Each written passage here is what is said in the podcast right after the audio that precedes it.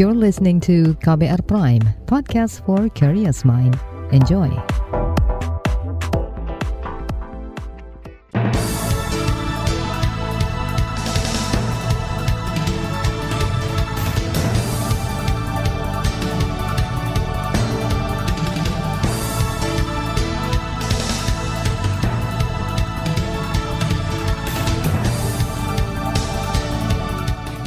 Selamat pagi saudara, senang sekali kami bisa menjumpai Anda melalui program Buletin Pagi. Edisi Rabu 9 Maret 2022 bersama saya Roni Sitanggang. Sejumlah informasi pilihan telah kami siapkan di antaranya. Wapres minta harga minyak dan sembako kembali normal sebelum Ramadan. Hari Perempuan Internasional, organisasi sipil serukan kesetaraan gender. Jelang Ramadan harga cabai melonjak tiga kali lipat di Aceh. Inilah buletin pagi selengkapnya. Terbaru di buletin pagi. Saudara Wakil Presiden Ma'ruf Amin meminta jajaran kementeriannya segera menstabilitaskan harga dan memastikan ketersediaan bahan pokok menjelang Ramadan dan Idul Fitri.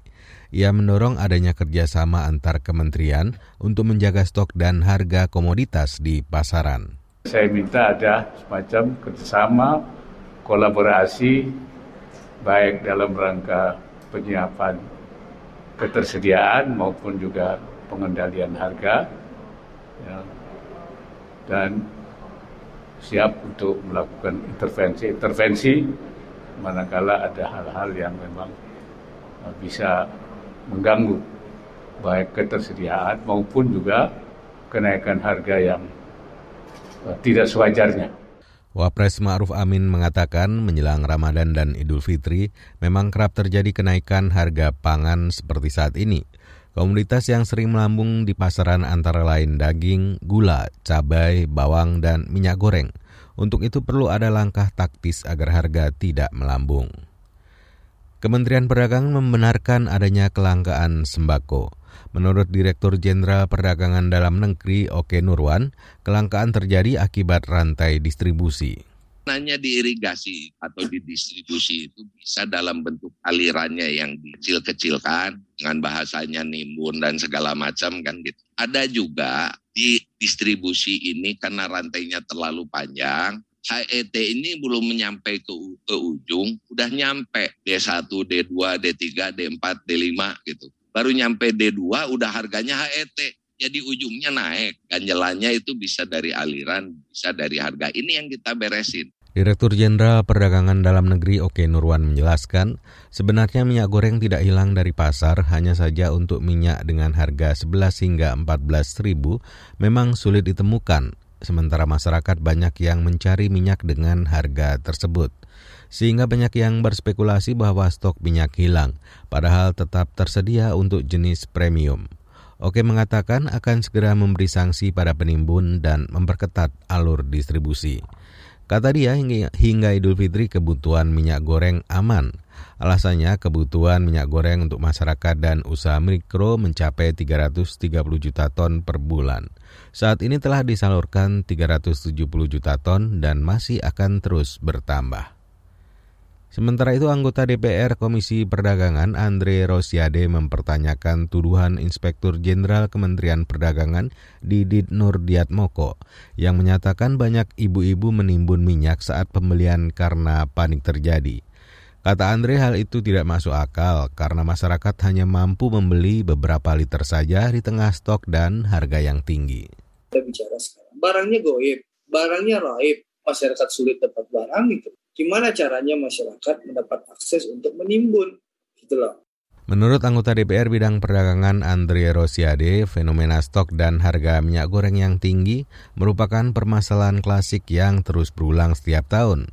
Untuk itu, DPR akan segera memanggil Kementerian Perdagangan dan instansi terkait lain untuk menanyakan apa kendala yang terjadi hingga stok dan harga minyak goreng serta komoditas lain melonjak.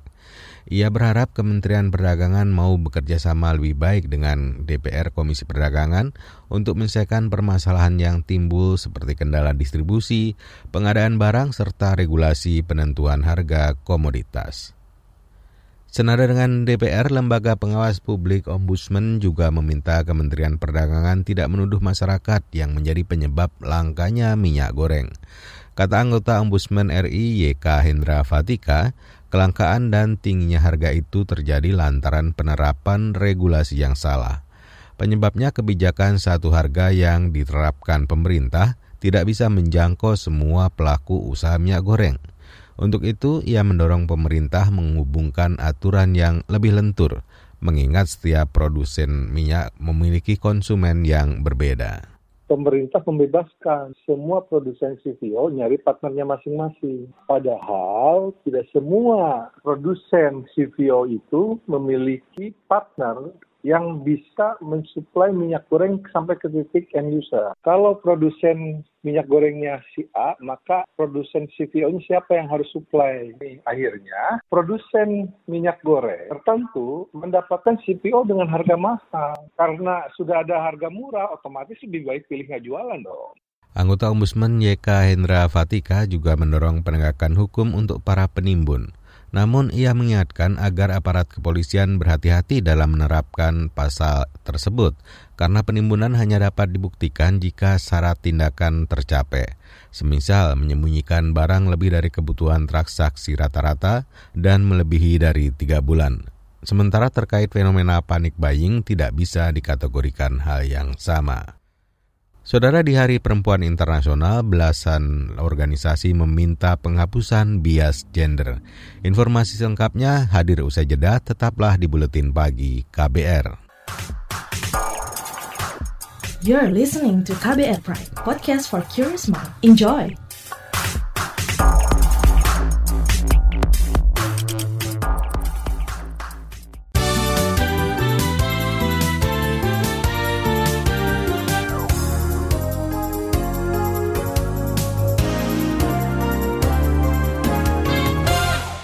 Anda sedang mendengarkan buletin pagi KBR.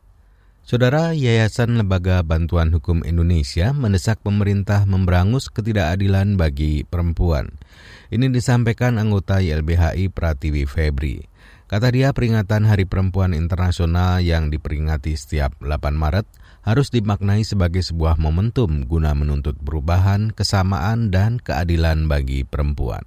Oleh karenanya, di Hari Peringatan Perempuan Internasional tahun ini, YLBHI dan 17 LBH kantor menyerukan kepada negara dan uh, seluruh pihak yang terkait untuk menghentikan kesewenang-wenangan negara terhadap ruang hidup perempuan, hentikan bias negara yang menjadikan perempuan warga negara kelas 2 dan penuhi hak-hak perempuan. Anggota YLBHI Pratiwi Febri menambahkan nasib perempuan Indonesia saat ini semakin terpinggirkan bahkan direpresi oleh negara lewat berbagai kebijakan. Untuk itu YLBHI menuntut kepolisian, Kejaksaan Agung hingga Mahkamah Agung menyelenggarakan proses penegakan hukum dan peradilan dengan menerapkan sanksi hukuman ketat atau toleransi nol terhadap bias gender dan bias perempuan. Komisi Nasional Hak Asasi Manusia Komnas HAM menyebut TNI dan Polri turut mendalami kasus kekerasan yang terjadi di kerangkeng milik Bupati Nonaktif Langkat terbit perangin-angin. Komisioner Komnas HAM Khairul Anam mengatakan sudah memberikan data cukup lengkap soal dugaan keterlibatan beberapa personel TNI dan Polri kepada Puspom TNI AD dan Polda Sumatera Utara. Dia berharap peristiwa itu bisa segera terungkap dan para pelaku segera diadili. Saya kira model kerjasama kayak begini sangat baik dan akuntabilitas uh, kita juga sangat baik, baik POM TNI maupun uh, kepolisian maupun uh, Komnas HAM. Dan kami harapkan memang semakin terangnya peristiwa ini, semakin cepat prosesnya dan semakin cepat ada uh, terdakwanya, tersangkanya. Itu tadi Komisioner Komnas HAM Hoirul Anam. Pekan lalu, Komnas HAM menyampaikan dugaan keterlibatan anggota TNI dan Polri pada kasus perbudakan atau serupa perbudakan di kerangkeng manusia di Kabupaten Langkat. Komnas HAM mengetahui jumlah nama hingga informasi penunjang lainnya terkait para anggota TNI Polri yang diduga terlibat. Beralih ke soal pandemi, Juru bicara Kementerian Kesehatan Siti Nadia Tarmizi mengatakan hingga saat ini sudah terdeteksi 478 kasus COVID-19 subvarian BA2, turunan dari varian Omicron. Subvarian BA2 Omicron atau Omicron siluman disebut lebih cepat menular dan memiliki tingkat keparahan yang lebih tinggi. Sementara saat ini kasus COVID-19 di dunia termasuk Indonesia masih didominasi oleh varian BA1. Untuk uh, varian BA2 uh, eh, jumlahnya sampai saat ini yang sudah kita deteksi adalah sebanyak 478 ya. Tapi kalau kita lihat BA1 itu 5.300 dan BA11 1.883. Kita belum menemukan varian BA3. Jadi kita, uh, sampai saat ini baru BA2 sebanyak 478 sementara BA1 uh, itu adalah 5.300 dan BA11 1.883. Jadi kita masih dinominasi oleh varian BA1. Juru bicara Kemenkes Siti Nadia Tarmizi meminta agar masyarakat terus menjaga disiplin pelaksanaan protokol kesehatan dan melaksanakan vaksinasi lengkap. Ia menambahkan kunci pengendalian kasus COVID-19 adalah deteksi dini atau 3T dan percepatan program vaksinasi baik primer maupun vaksinasi booster yang harus segera diselesaikan. Nadia menyebut saat ini vaksinasi dosis pertama di Indonesia sudah mencapai 91 persen dan dosis kedua sudah mencapai 70 persen. Kita ke informasi ekonomi. Presiden Joko Widodo meninjau pelepasan ekspor kendaraan mobil di kawasan Pelabuhan Patimban, Kabupaten Sumbang, Jawa Barat kemarin. Jokowi mengapresiasi kehadiran pelabuhan yang aktif beroperasi sejak Desember lalu. Kata dia, meningkatnya ekspor kendaraan harus menjadi penyemangat dalam memberikan target yang lebih tinggi. Sebelumnya direncanakan tahun ini bisa ekspor dari sini kurang lebih 160 ribu. Melihat progres tiga bulan ini, kelihatannya bisa naik menjadi 180 ribu mobil untuk ekspor ke Filipina, ke Brunei, ke Jepang, dan juga ke Vietnam. Jokowi memperkirakan dalam sebulan pelabuhan Patimban mampu mengekspor 15.000 kendaraan. Ia menyebut hal ini akan sangat mendukung industri dalam negeri tetap bergerak meskipun di tengah pandemi COVID. Jokowi berharap kegiatan ekspor ini bakal meningkatkan pertumbuhan ekonomi nasional sekaligus membuka lapangan kerja. Pemerintah merilis sistem informasi mineral dan batubara antar kementerian dan lembaga atau SIMBARA. Selain itu dilakukan juga penandatanganan nota kesepahaman sistem terintegrasi dari kegiatan usaha hulu migas. Menteri Keuangan Sri Mulyani berharap dengan Simbara dan penandatangan tersebut mampu meningkatkan kerjasama antar kementerian dan lembaga. Melalui Simbara dan SIT Migas, kita juga diharapkan akan mampu menjelaskan ke masyarakat dan ini bagian dari praktek akuntabilitas dan transparansi yang sangat baik. Juga kecepatan layanan juga akan menjadi makin tinggi dan makin menentukan yang tentu pada akhirnya akan dinikmati oleh dunia usaha. Menteri Keuangan Sri Mulyani berharap kedua sistem itu mampu meningkatkan tata kelola, pelayanan, dan juga kinerja, sehingga pada akhirnya berdampak positif pada keuangan negara. Menkyu juga mengingatkan agar kedua sistem informasi mineral dan batubara itu juga dipastikan aman dari kejahatan cyber. Kita ke informasi mancanegara. Rusia menyatakan siap menangguhkan operasi militer jika Ukraina memenuhi persyaratan yang diminta Moskow. Dilansir dari Reuters, juru bicara kepresidenan Rusia Dmitry Peskov mengatakan negaranya akan menghentikan invasi jika Ukraina mengubah konstitusinya dan memastikan prinsip netralitas masuk ke dalam dasar negara mereka. Selain itu, Peskov meminta Ukraina mengakui semenanjung Crimea sebagai wilayah negeri beruang merah. Crimea merupakan wilayah di tenggara Ukraina yang diakuisisi Rusia pada 2014 lalu. Sampai saat ini dunia internasional menganggap pencaplokan Crimea oleh Rusia merupakan tindakan ilegal.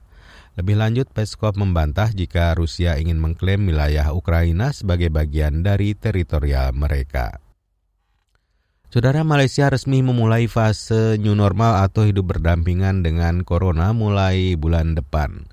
Fase new normal itu dimulai menyusul keputusan Perdana Menteri Ismail Sabri Yaakob yang berencana membuka sepenuhnya perbatasan negara mulai 1 April. Dilansir dari Reuters, dengan kebijakan baru tersebut, Malaysia mengizinkan pendatang dari luar negeri yang telah divaksinasi COVID-19 lengkap bisa masuk tanpa karantina. Ismail Sabri juga menuturkan wisatawan asing tidak perlu lagi mendaftar melalui mekanisme My Travel Pass yang dan hanya perlu mengunduh aplikasi pelacakan kontak atau My Sejahtera. Selain itu, Malaysia juga akan melonggarkan semua aktivitas perekonomian, mulai dari sektor perdagangan, hiburan, dan lainnya. Kita beralih ke informasi olahraga Liga Champion. Liverpool berhasil lolos ke perempat final Liga meski kalah 0-1 dari Inter Milan di Stadion Anfield dini hari tadi. The Reds berhak melaju ke perempat final berkat keunggulan agregat 2-1. Di leg pertama, Liverpool meraih kemenangan 2-0 di San Siro. Inter yang berupaya mengejar revisi dua gol akibat kekalahan 0-2 di leg pertama sebenarnya mampu menguasai permainan di babak pertama. Sayang dua kesempatan yang dihasilkan gagal berbuah gol. Di tempat terpisah, Bayern Munchen juga berhasil mengunci satu tempat ke babak delapan besar usai meraih kemenangan 7-1 atas Salzburg. Sebelumnya kedua tim bermain imbang 1-1 di pertemuan pertama. Saudara di bagian berikutnya kami hadiran laporan khas KBR bertajuk Vaksinasi untuk Transisi Pandemi. Nantikan sesaat lagi. You're listening to KBR Pride, podcast for curious mind. Enjoy!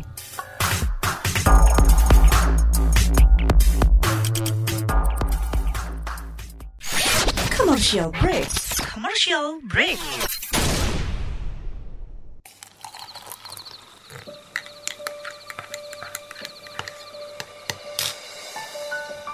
Hai, kamu apa kabar? Masih suka menikmati senja dan kopi? Aku masih ingat kebiasaan kita. Sehabis pulang kerja, selalu mencari tempat untuk sekedar ngobrol dan ngopi. Tapi kadang kita kehabisan bahan obrolan. Aku masih melakukan hal yang sama sampai sekarang tanpa harus takut habis bahan buat ngobrol karena aku selalu mendengarkan KBR sore dari Senin sampai Jumat jam 4 sore. Ah, aku rindu. KBR Inspiratif Terpercaya.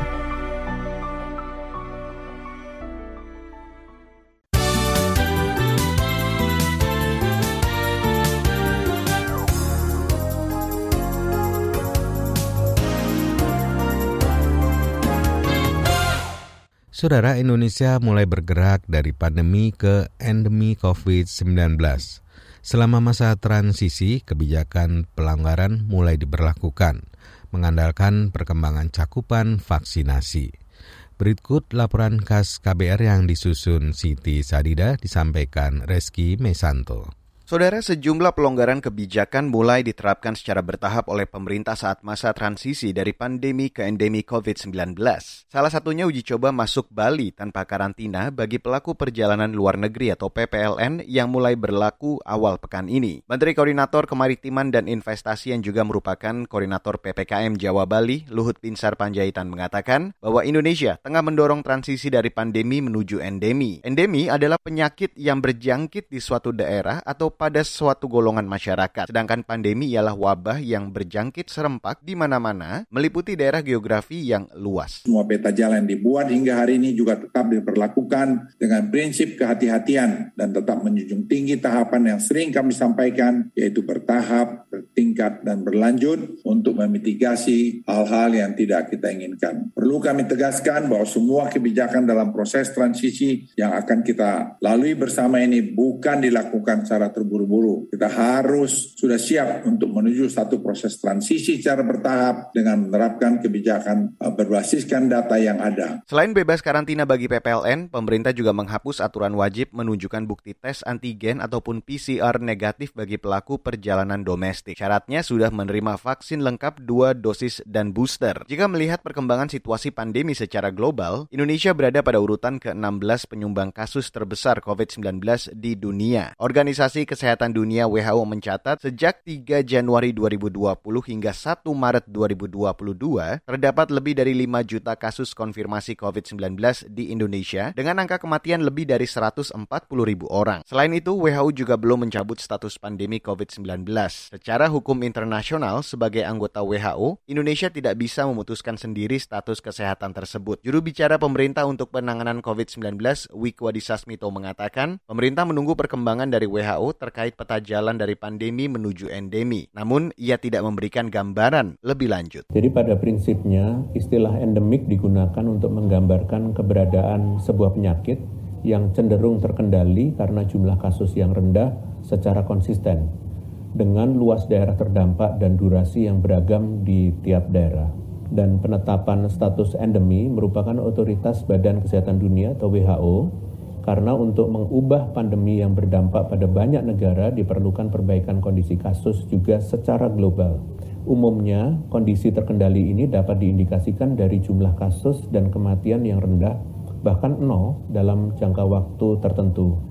Kondisi ini hanya dapat tercapai jika masyarakat secara kolektif menjalankan pengendalian COVID-19 dengan optimal. Keputusan pemerintah tersebut direspon epidemiolog dari Universitas Indonesia Pandu Riono. Ia menyebut perlu kekebalan yang merata untuk bisa menjalani transisi dari pandemi ke endemi COVID-19 yang stabil. Salah satu faktornya ialah cakupan vaksinasi. Pandu menegaskan peningkatan imunitas di tengah masyarakat tidak menjamin penularan COVID-19 berhenti. Tetapi dampak baiknya, meski penularan yang terjadi, hal itu tidak terlalu berdampak pada pelayanan kesehatan dan angka kematian akibat infeksi virus corona. Kalau semuanya kita bisa capai dengan lebih cepat, misalnya sudah 80 persen penduduk Indonesia sudah mencapai dosis kedua, maka kita akan lebih stabil. Kondisi yang stabil itu yang dipenuhi agar kita lebih tenang supaya tidak terjadi lonjakan lagi. Walaupun ada varian baru, dengan adanya tingkat imunitas penduduk, maka kita tidak perlu cemas. Dengan demikian kita akan bisa masuki tahapan yang lebih stabil yang kita sebut sebagai endemi. Sementara itu kalangan wakil rakyat meyakini bahwa pandemi belum akan berubah menjadi endemi dalam waktu dekat di tanah air. Hal ini disampaikan Wakil Ketua Komisi Bidang Kesehatan DPR RI dari fraksi PDI Perjuangan Charles Honoris mengacu pada situasi perkembangan pandemi saat ini. Kalau kita mengacu pada definisi endemi, sepertinya masih lama kita sampai ke fase endemi ya karena masih banyak kriteria yang harus dilalui sebelum mencapai tahapan itu. Namun kembali lagi kita melihat beberapa negara di dunia sudah melakukan berbagai pelonggaran. Nah, kalau menurut saya kita jangan terjebak pada terminologi ya. Kalau kita hmm. mau melakukan pelonggaran ya silakan saja dengan melihat berbagai faktor yang ada di lapangan. Berdasarkan data Satgas COVID-19 per kemarin, angka kasus positif secara nasional bertambah lebih dari 30 ribu pasien. Sementara pasien sembuh sebanyak 55 ribu orang lebih, namun angka kematian mencapai 400-an orang. Sedangkan untuk capaian vaksinasi dosis pertama sudah tembus 192 juta juta jiwa. Pemerintah menargetkan 208 juta jiwa penduduk yang divaksin untuk mencapai kekebalan komunal. Baiklah, saudara, laporan ini disusun Siti Sadida, saya Reski Mesanto. Saudara informasi dari berbagai daerah akan kami hadirkan usai jeda berikut ini. You're listening to KBR Pride, podcast for curious mind. Enjoy!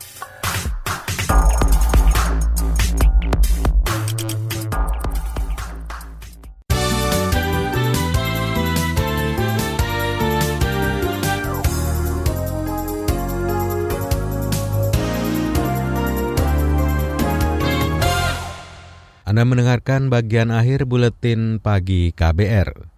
Saudara harga cabai merah di sejumlah pasar tradisional di kota Lok Sumawe Aceh naik drastis menjelang Ramadan. Salah satunya di pasar Impres Lok Sumawe. Di pasar ini harga cabai dari Rp20.000 per kilogram menjadi Rp60.000. Kepala Dinas Perindustrian dan Perdagangan dan Koperasi Lok Sumawe Rizal mengatakan melonjaknya harga dikarenakan menipisnya pasukan stok komoditas tersebut. Ini menjelang uh, Ramadan, kebutuhan akan barang-barang seperti itu meningkat. Apalagi dia kita di Aceh ini banyak hajatan yang dilakukan oleh warga masyarakat menjelang Ramadan. Ya konsumsi meningkat, uh, permintaan meningkat, sedangkan barang ini uh, berkurang. Ini ini hukum dagang. Ya. Kepala Dinas Perindustrian Dok Sumawe Rizal memperkirakan harga kebutuhan pokok dan sayur mayur akan terus meningkat hingga menjelang Ramadan. Beralih ke Jawa Barat, tim SAR gabungan TNI Polri telah menemukan kapal motor Putra Barokah SN yang sempat hilang di perairan Kerawang. Kasat Pol Air Polres Kerawang Zulkifli Sitorus mengatakan saat ditemukan ke-19 ABK dalam kondisi selamat. Sebelumnya kapal bertolak pada Kamis lalu untuk menangkap ikan, namun minggu pagi tidak terdeteksi dan hilang kontak. Saudara informasi tadi menutup jumpa kita di Buletin Pagi KBR. Pantau juga informasi terbaru melalui kabar baru, situs kbr.id, Twitter kami di akun @beritaKBR serta podcast di alamat kbrprime.id. Akhirnya saya Roni Sitanggang bersama tim yang bertugas undur diri. Salam.